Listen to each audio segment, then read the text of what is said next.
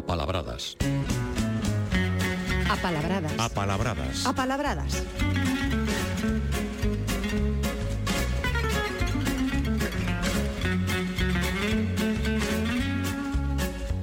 Bueno, pois pues como cada semana xa se achegou por aquí o noso filólogo de cabeceira, Paulino, que tal, moi bons días. Que tal, bons días. Eh, falasnos moitas veces de palabras que descoñecemos, eh, en algún momento tivemos na lingua, eh, algunhas destas, pero que hoxe desapareceron, pero que deixaron algúns restos, algúns fósiles sí. foron caendo.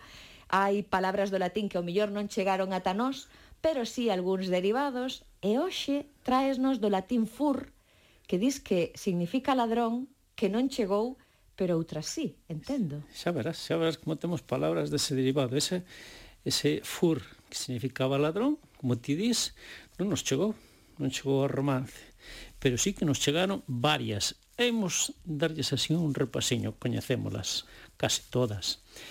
Unha é furtar, roubar, eh? ven, deste, ven deste fur.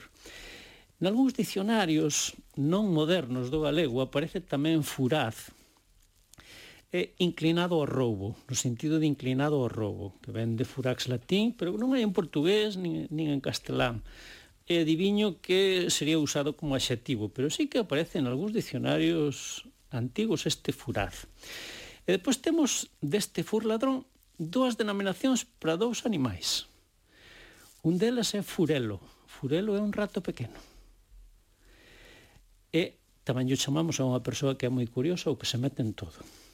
E é, ademais, un alcume para os dun lugar da terra chá, que non imos dicir o nome, que non hai necesidade, ainda que hai un ilustre escritor que é, que é deste, que é deste lugar cheirego.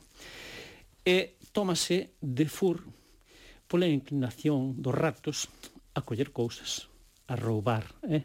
Para non ser roubar o que para os ratos é unha necesidade, unha necesidade. pero rouban nos cousas, entón, dai o de, o de furelo. E outra palabra é o, o furón, furón porque rouba os coellos dos tobos donde se meten entón os cazadores, meten un furón para que se meta no tobo, no tobo e saque, roube o, o coello. Seguramente ten influxo de furar, eh? porque ao final, meténdose na terra, eh, eh, acaba, fur, acaba furando algo. E seguramente teña algo tamén que ver, porque este furón é un mustélido E must, a palabra mustélido, mamífero dos mamíferos mustélidos, ven de mustela, que en latín era adonicela, e este mustélido ven de mus muris, que era o rato. Eh? Entón, a mellor pode tamén aí haber un pouquiño de, Díxeme de coincidencia. Díxeme que faga aquí unha paréntese, porque eu quedei aínda, na miña mente, aínda está a, a palabra furelo. Sí. Eu eu considero unha persoa curiosa, sería un furelo ou eso sería máis ben con eh, Serías furelo, un pouco, sí, un pouco os... despectivo. Esta sí, persoa é un pouco como furelo. Como insulto, eh? como eu alcume sí? para estes deste lugar da Terra Chao, ao final os alcumes bueno, poden non molestar, pero normalmente molestan algo. É que te comparen con animal, pois seguramente nunca sexa, Ou seja, tomado que non sería ben, moi eh? loable dicir no, que son... no, no, no, no. moi ben tomamos Dixense eses, es, es, eses significados que ten, que ten furelo.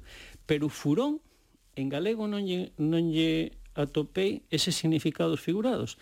Pero sí que ten, por exemplo en, en portugués o furán é unha persoa curiosa que mira todo ou o que escapa do trato da xente. E en castelán Urón é tamén a persoa curiosa. Eh, perdón, os anteriores era don Castelán, pero curioso é, en castelán e portugués. E en portugués, ademais, é unha persoa moi delgada, como furón, ou moi experta, moi viva, eh? como, como son estes animais. Pero mira como de curioso está en Urón e en Furán, e no galego está en Furelo. Eh? E ainda hai outros animais que teñen teñen que proceden destes parecidos, que teñen este fur. En asturiano hai fura marta, eh, composto con marta, que é outro mamífero parecido, e a furaña, que, que é o esquío. Tamén lle chaman furaña en Asturias. E o portugués furán tamén pode ser unha donicela. O final, mira como acabanse mesturando. Son animais, animais de movimento moi rápido, non? Sí, sí, sí, sí, por eso aí a acepción de unha persoa moi viva tamén. Moi expelida. Sí, sí, sí, sí, sí. Falábamos de furtar. Hemos lle dar unha volta a furtar. Eh, propiamente, o verbo crease do substantivo de, de furto. E con furto vai un pouquiño o sentido de ocultación. Non é só roubar, é roubar escondéndose. E ímolo ver dándolle un, dándolle un paseo histórico eh, breve a esta palabra. No latín furtum, o furto, o roubo, xa tiña o matiz e con ocultación, algo secreto. De aí ven a palabra furtivo, que xa había no latín tamén, eh? que nos usamos xa como sustantivo, inda que na maioría dos dicionarios ainda aparece casi sempre como, como adxetivo, algo furtivo, pero non xa usamos a día de hoxe un furtivo é o que caza ou pesca de maneira ilegal, non? Escondéndose Eh? Mira como un furtivo tamén está o matiz ese de, de esconderse. Na lingua medieval, furtar tiña eh, eh, o significado tamén de escapar, ou incluso de esquivar, máis que o de roubar. Eh? Entón, mira como está aí ese matiz. E ímolo ver claro eh, na expresión, que xa había na lingua medieval, a furto, a escondidas, que hoxe dicimos as furtadas ou as furtadelas, escondéndose É dicir, é un xeito de evitar a norma. É, exactamente. Empezou sendo roubar, pero foise especializando aí roubar escondidos e ás veces pois acabou predominando ese matiz de escondido sobre o propio feito de roubar. Dicim, dicía que en galego eh, as furtadelas, en portugués teñen teñen tamén eh, as furtadas ou as, eh, as furtadelas e en castelán a hurtadillas tamén é o mesmo escondéndose eh? Mira como nos acaban levando a, nos acaban levando a eso. Eh, por darlle unha voltiña, o último voltiño ao latín, había este fur ladrón que non nos veu porque collemos outra palabra que tiña o latín, que era latro, de onde collemos o ladrón. Eh? Pero xa había no latín a diferenciación. O latro era o que roubaba máis ou menos de maneira pública e o fur era o que, o que se ocultaba. Despois axudou tamén que furtar e furto foron eh, sustituídas xa en lingua romance polos xermani, xermanismos roubo e roubar, co cal fur xa quedou para a historia do latín. Pero mira como nos deixou restos. E ainda nos deixou un último que chegou a acabar, que xa verás que é moi curioso, cal? que é o furuncho. Furuncho? Furuncho ou furúnculo. sí, ese pequeno tumor da pel. Pois ven deste fur ladrón e ten unha explicación moi curiosa, pero moi lóxica que imos entender perfectamente. De ocultación. Sí, o furúnculo, bueno, pode ser, podemos lle chamar furuncho, a forma patrimonial, o furúnculo a culta, eh? vale? as dúas formas son correctas.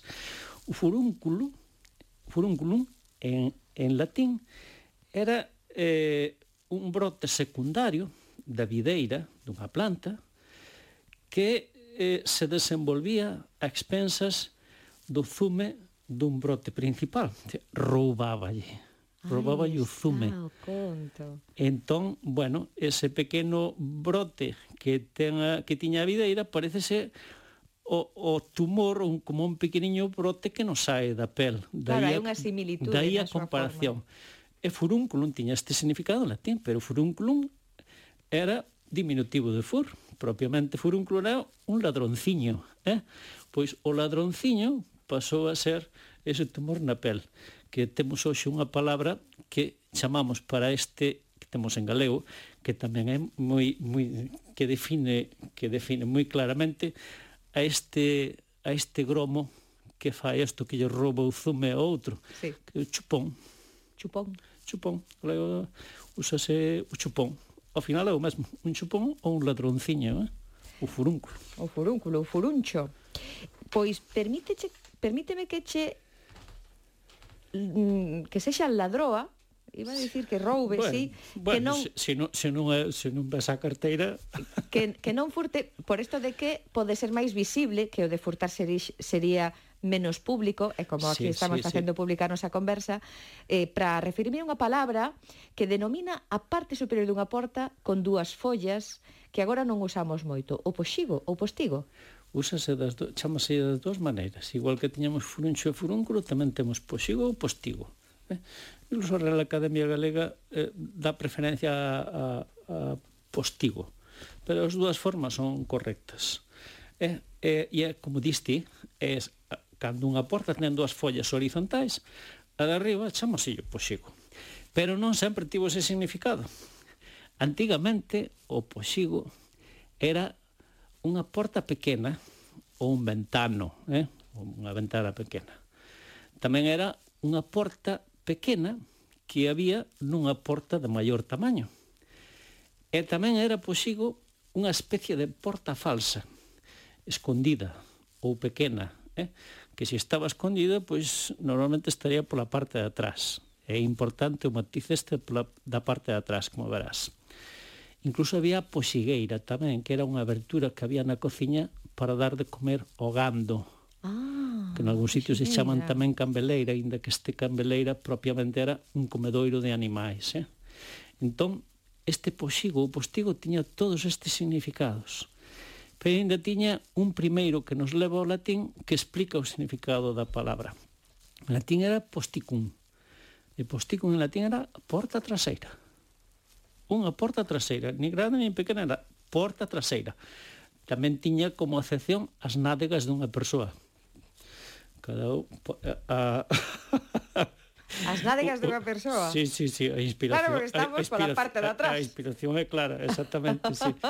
Este posticum viña de posticus, posterior.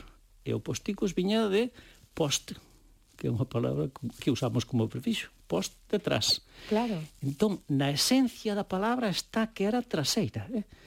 E empezou sendo unha porta traseira, unha porta escondida, porque estaba na parte de atrás, unha porta pequeniña, e hoxe xa só, nos xa só a coñecemos como a parte superior dunha porta. Mira, as voltas que foi, a as evolución que foi, que foi, que foi dando, dando. A, que foi dando a palabra ata chegar ao significado de hoxe que bueno, pois que está relacionado nunha... coa porta, pero non ten moito que ver cos E non ten por que ser traseira, no, pode no, ser claro, na parte no, dianteira, no, claro, da casa. Os son de, a porta, están na porta principal normalmente, sí. É curioso, verdad? Curioso, curioso. E pro remate sempre traemos ata este espazo, Paulino, palabras pouco usadas. Eu non sei se neste exercicio podemos contribuir a que os utilicemos máis, a que veñan a nosa memoria e eh, que sí. pronto as poñamos tamén en boca, que tamén as recuperemos na fala. Pero claro, para hoxe traesnos unha, que eu non sei isto como poderemos incluílo no. na fala. Periclitar. Sí.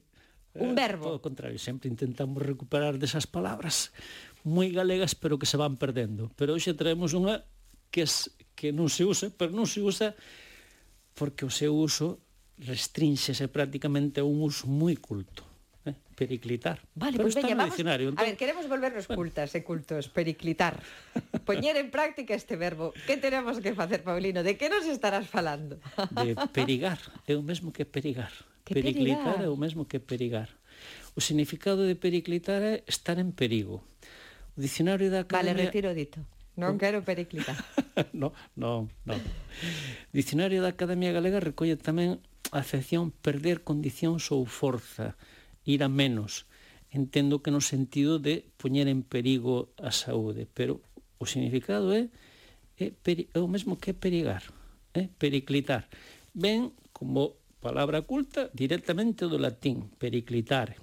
Periclitar é que era tamén estar en perigo.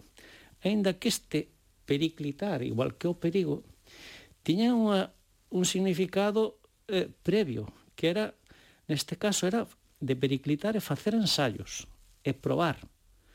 Derivado de periculum. Periculum, que tamén era perigo, era risco, pero o significado ori originario do periculum, de onde temos a, nos, a nosa palabra perigo, é, perigo era proba, experimento. De feito, é unha palabra relacionada do mesmo radical que peritus, do noso, de, onde te, de onde temos o perito eh?